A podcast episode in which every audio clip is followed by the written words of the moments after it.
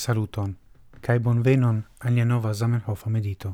Hodiau mi volas legi el tiron kiu ne aperas en la originala vercaro. Fakte, la el tiron ne decidis mi, sed cara esperantista amico, kiu citis el tiron de Zamenhof kiun mi ne vere conas, che do mi sercis iomete, cae effective gi estas Zamenhofa, sed gi ne aperas el originala vercaro. Cae mi trovis gin inter alie en la textaro de Esperanto, kiu estas la plei grava corpuso pri nia lingvo, kiu enhavas inter alie, aparte la collecton de la textoi de la iniziatoro de la lingvo. La texton kiun mi legos cun vi cae meditos cun vi, venas el la Nizza Literatura Revuo cae estis eldonita origine en 1959 en numero 24. La basan texton origine en computilligis signoro Hirotaka Masaaki, cae temas pri texto kiun Zamenhof volis origine presenti en parolado en la dua congresso Esperanto en Genevo, 1906, sed lau consilio de Seber li forigis gin el sia parolado. Do la titolo estas kion Zamenhof ne povis diri en Genevo.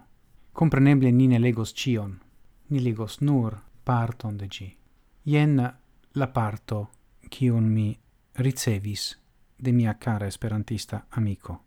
Amicoi, ne timu constante pretio, kion diros la sensense criticanta cae grimazzanta rutina mondo, sed agu, ciam tiel, kiel dictas al vi via conscienzo cae coro. Credu che cio, cio per si mem estas bona ca iusta, malgrau ciui insultoi, pli au mal pli frue, devas venci, cae nepre vencos.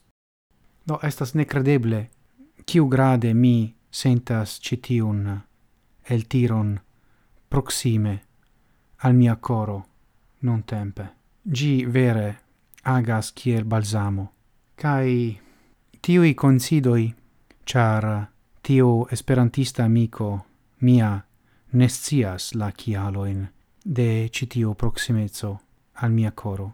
Citiui coincidoi, mi es diranta, redonas al mi fidon en la universo cae en la verda amicetso. Dankon pro via attento, gis morgau, cae ciel ciam, antauen, sen fine.